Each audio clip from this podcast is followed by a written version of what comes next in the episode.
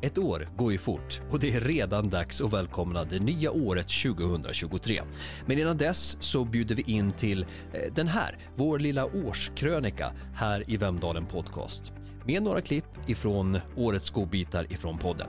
Så häng med!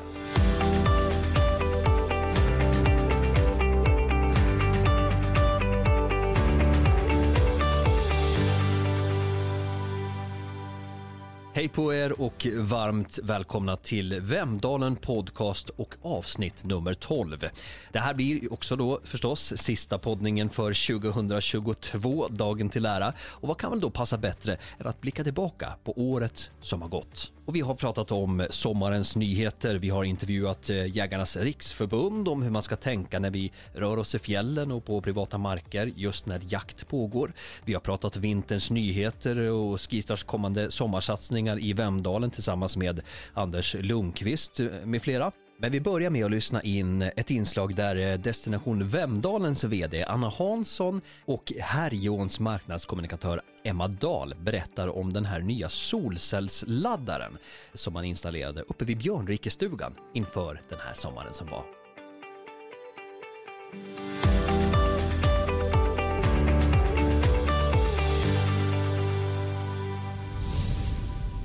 Destination Vemdalens hållbarhetsarbete är ju grundförutsättningen för att fortsättningsvis kunna ha gäster här. Och eh, resanledningen för att komma hit det är ju att man har en fjällupplevelse. Så att hållbara fjäll över tid det är ju den förutsättning vi har för att eh, överleva och för att ha en destination som fortsatt är attraktiv. Och det är ju en förutsättning för att bo, leva och verka här. Inom ramen för vårt samarbete med Destination Vemdalen så har vi ju då bland annat eh, installerat den här solcellsanläggningen här på Björnrikestugan. Och eh, det är ju ett sätt för oss att eh, skapa ökad nyfikenhet och ett ökat intresse för just hållbara energilösningar i fjällmiljö. På utsidan här har vi eh, en solpanel som vi tittade på förut eh, och eh, den är då såklart kopplad till ett batteri om batteriet är fulladdat mm. så räcker det till ungefär, för en standardmobil, så räcker det till ungefär 50 laddningar. Då. Och även att en lampa tänds här i taket när man kommer in. Man kan ju faktiskt slå sig ner här och läsa lite mer mm. om hur det fungerar. Men eh, kort sagt så kan man väl säga så här att eh, solens strålar träffar ju såklart panelerna då, som sitter på taket.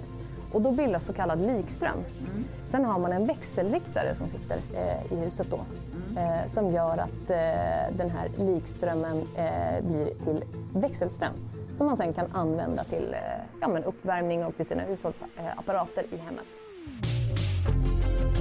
Hållbara fjäll, det är också det som är resanledningen. Alltså att kommer man ut på fjället här så är ju det man vill komma upp för.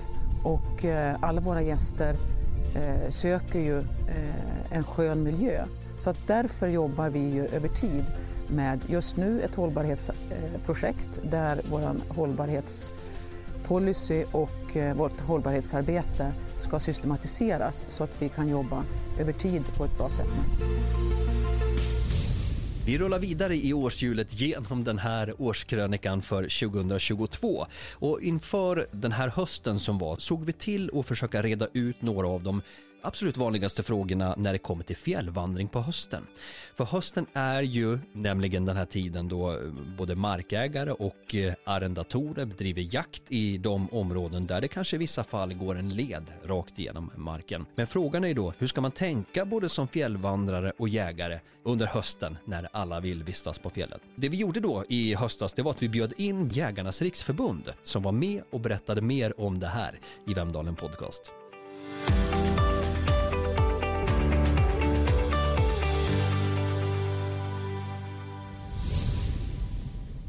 Sen en annan sak man kan tänka på när man ger sig ut och ska vandra eh, det är att ta på sig lite varselfärger så att man, mm. så att man syns tydligt. Eh, det, det, brukar vara en bra grej. Eh, sen, sen är det också viktigt att jägarna tänker på att, att det kan finnas vandrare, bärplockare och så vidare. Och där handlar det också mycket från eh, som oss som jägare hur man bemöter folk ute i skogen. Det vill säga att man, man, har man ett brytvapen så bryter man sitt vapen eller tydligt visar att man har ja, så att säga bryter eller ta ut slutstycket och man möter en vandrare. Man pratar lugnt och sansat med varandra och det, det är också ett ansvar från jägarnas sida så att säga att man bemöter dem som är, som är ute av, av andra skäl i skogen på, på ett bra och schysst sätt. Jo men så är det ju, det handlar ju ändå om att ge och ta, man pratar om allemansrätten och jakträtten, men det är ju också, eh, det följer också skyldigheter med eh, med båda delarna såklart. Ja, men absolut, det, det, så är det ju. Sen är ju äganderätten stark naturligtvis eh, när, när det gäller rätten till jakt på egen mark såklart. Eh, men, men, det betyder inte att man inte ska visa hänsyn till, till andra människor. Eh, jag brukar säga det att de, de flesta människor är faktiskt sunda och och med, med, en, med, en, bra dialog så kommer man ganska långt att, att, att vi pratar med varandra helt enkelt. Det, det brukar jag säga är lösningen till, till mycket. Och den här perioden vi pratar om, det är väl eh, om man tänker fågeljakt redan är 25 augusti va? Tänker jag här och så framöver här första september är det ju eh, älgjakt och här emellan har det ju varit björnjakt också. Eh, så det är väl inför hela hösten här Uh, och rätta mig om ni har fel Kenneth här, du som är också jagar själv. Mm. Nej men så är det ju, så att det är ju, man kan säga från 25 augusti och uh, ett par månader framåt så kan man räkna med att det är jakt, även därefter också, men det brukar trappa av lite. Intresset brukar svalna lite grann bland mm. vissa jägare efter, efter en månad eller två. Så, då är det så, ganska... så här, björnjakten, björnjakten drar väl igång redan den 21 augusti och sen fågeljakten 25 och sen kom älgjakten på det, så det, det är ju en intensiv period. Och det är både hundar och jägare och bärplockare och svamp och, och allt i skogen samtidigt. Så eh, det, det, är klart det gäller att vi, vi hittar ett bra sätt att komma överens. Så att det, och här... Att alla får chans att njuta av det här fantastiska, det är ju, det är ju magiskt naturligtvis. Ja men exakt, och det handlar ju om att vi, vi ska kunna samsas på en väldigt stor yta och det brukar ju sällan, alltså det är ju sällan ett problem, men det är ändå bara så att man vet liksom hur man ska bete sig. Och jag tänker när man går på en eh, vandringsled som är utmärkt, man håller sig längs leden, ja då vet ju förhoppningsvis också jägarna i området om att det, där finns det en vandringsled. Och visst är det så att generellt kan man ju säga att som vandrare är du trygg om du följer vandringsleden. Ja, men det vill jag säga och jägarna är generellt ganska duktiga på att, att märka ut skottriktningar, vad som är säkra skottriktningar så att säga. Det, det gäller ju allt från mot, mot bebyggelse, väg, ja, vandringsleder. Ehm, där är man ju väldigt det är ju ett stort säkerhetstänk inom jakten och det, det vill jag ju slå ett slag för att det är en av de viktigaste delarna av säkerhetsaspekten när, när det handlar om att ta jägarexamen och bli jägare. Eh, återigen, det sunda förnuftet kommer man, kommer man väldigt långt på. Håller man sig på lederna och, eh, så, så, så, ska man känna sig trygg. Och, eh, jag kan ytterligare bara slå ett slag för att det är bra på sig lite varselfärg, gult eller orange eller, eller något liknande som man, som man syns tydligt också. Ja, det var nyttig information därifrån Jägarnas Riksförbund och vi fortsätter framåt genom 2022 i den här årskrönikan. Vi hoppar lite grann mellan sommar, höst och vinter i podden för att eh, ja, men jag, jag plockar ihop det jag tycker eh, passar bäst lite här och där. Och nu är vi tillbaka till våren igen för inför sommaren som var så lät vi nämligen några locals få dela med sig av sina smultronställen på sommaren här i podden. Och vi lyfte faktiskt några egna godbitar också, både jag och Linnea, plus att vi pratade om vår digitala kampanj kampanj Fjällen Forever.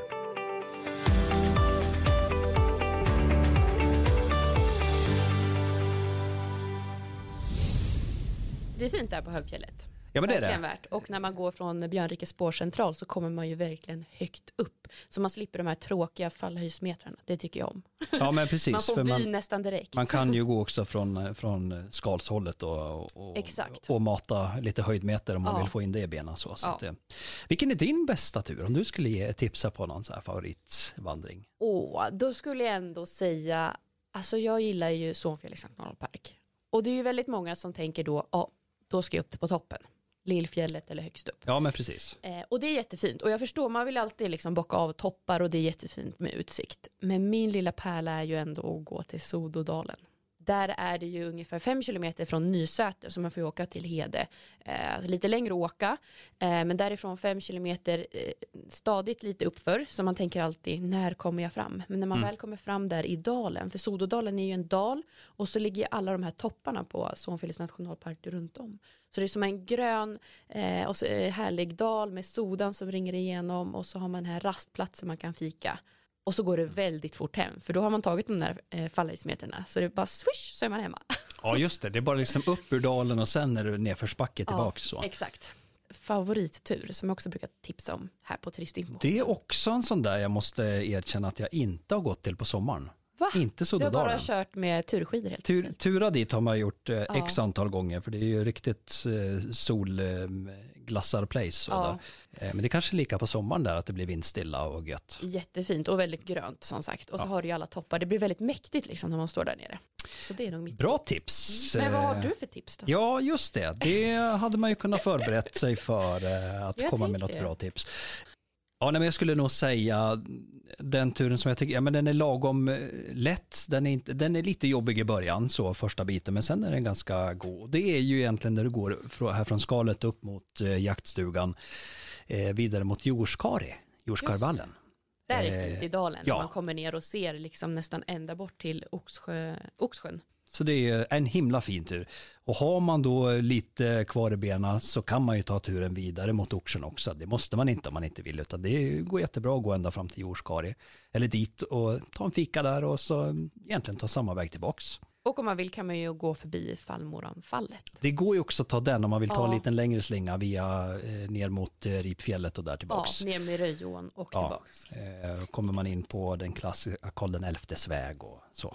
Nej, men så det finns många godbitar eh, att eh, upptäcka i sommar när det gäller just vandring.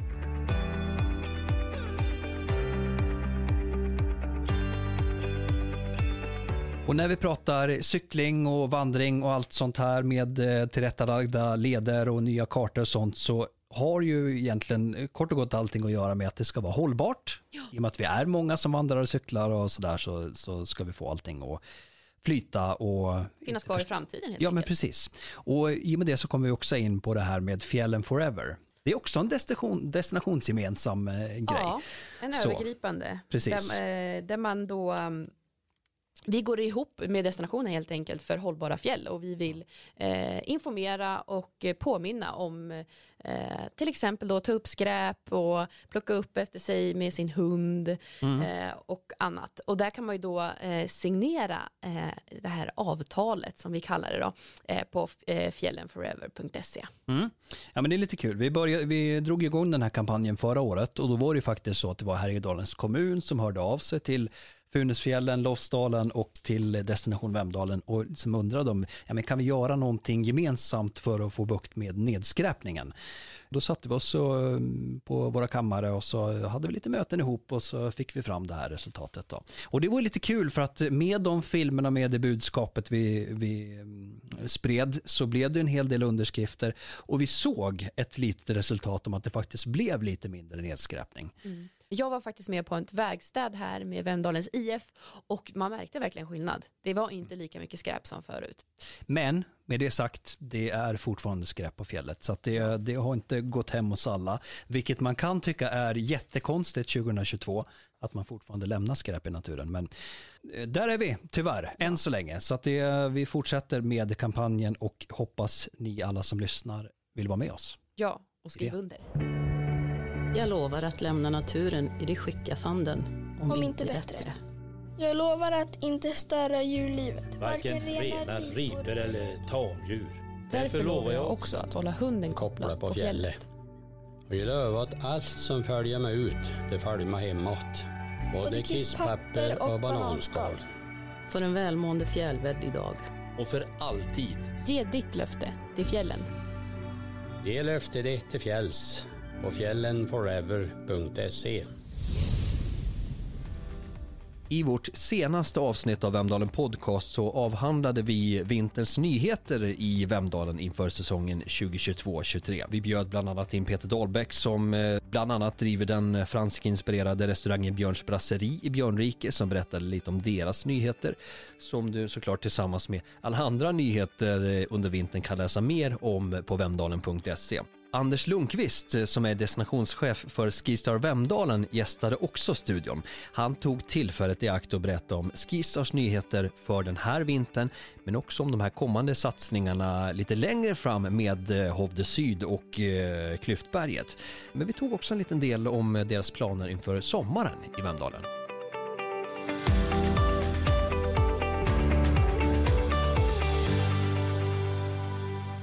Idag så pratar vi om de nyheterna som är inför den här säsongen 2022-2023. Men jag vet också att det finns ju ett stort nyhetsvärde och intresse i att höra lite kommentarer om de här satsningarna framåt. Vi pratar Hovde Syd och eh, det andra projektet Klyftberget och så. Mm. Hur går tankarna framåt? Nej, men vi har jätteambitioner och det känns spännande att få börja jobba lite mer aktivt och på ett annat sätt nu med pistutvecklingen. Vi har mycket gäster under högsäsong här och vill skapa mer svängrum så att man kan få njuta ännu mer av skidåkningen. Och det kommer vi kunna skapa då vi framskrider i det här arbetet. Hovde Syd är ju det område vi jobbar med här och nu. Eh, kommer kunna tillföra ungefär 15 till 20 hektar med pister här på Vemdalsskalet och idag har vi knappt 60 hektar med pister. Två knappliftar, en släplift och framförallt härlig skidåkning i sydsluttning. Enkel skidåkning också, precis det vi behöver. Pratar man lite upp vid Klockafjäll då, ovanför? Är det lite åt det hållet som det blir? Eller vad, jag vet att många har frågor vart. Ja, men man kan säga det. Härifrån barnområdet på skalet kommer man kunna ta Skalet Express upp så stiger man av den och sen direkt till höger kommer det komma en knapplift på 350 meter som gör att man tar sig över kanten. Och så är det på sydsidan in mot Näsbacken, ner mot mot Klockarfjället. Eh, och här ska jag säga det nu att just nu är det mängder av arbete med naturvärdesinventeringar, dialoger med samebyarna, alltså det är många praktiska saker som, som också behöver falla på plats och vi vill ju göra det här på ett hållbart sätt så att ja, så många som möjligt känner att det tillför något och att det kommer funka över tid. Och sen också har vi ju hört lite sommarsatsning som Skistar är med på och satsar här framöver. Kan du säga något om det?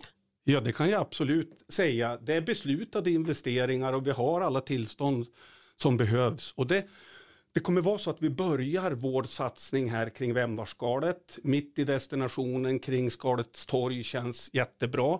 Och då kommer vi börja drifta Skalet Express sommartid. Man kommer kunna ta den liften upp och vid avstigningen där kan man då ta av sin cykel eh, så kommer det finnas ungefär fyra kilometer med trailcykling, sån där härligt flytande cykling som man kan cykla på sin egna vanliga cykel. Det behövs ingen downhill cykel och hockeyutrustning utan en, en familjeprodukt. Och där uppe kommer vi även bygga en klätterpark eh, som kommer ligga mot kanten mot barnområdet med en härlig vy Eh, här är det ett företag som heter Fascinator som kommer hjälpa oss med det.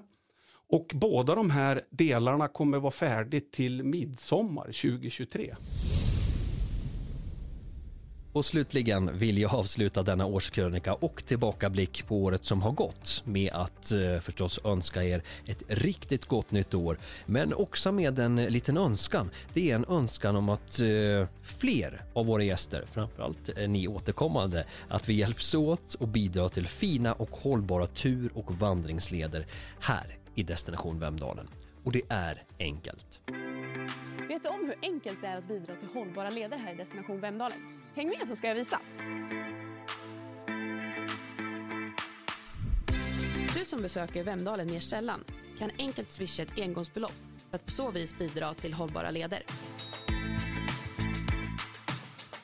Är du istället en av dem som nyttjar våra spår och leder ofta och vill bidra till att utveckla upplevelsen på fjället kan du köpa ett virtuellt ledkryss genom att registrera dig och koppla ditt bankkort på vemdalen.se. Så dras det automatiskt 250 kronor per år. Som tack får du dels det här snygga klistermärket och ett årligt nyhetsbrev där vi berättar vad pengarna gjort nytta under året. Tack för att du hjälper oss att ta ansvar för vår natur.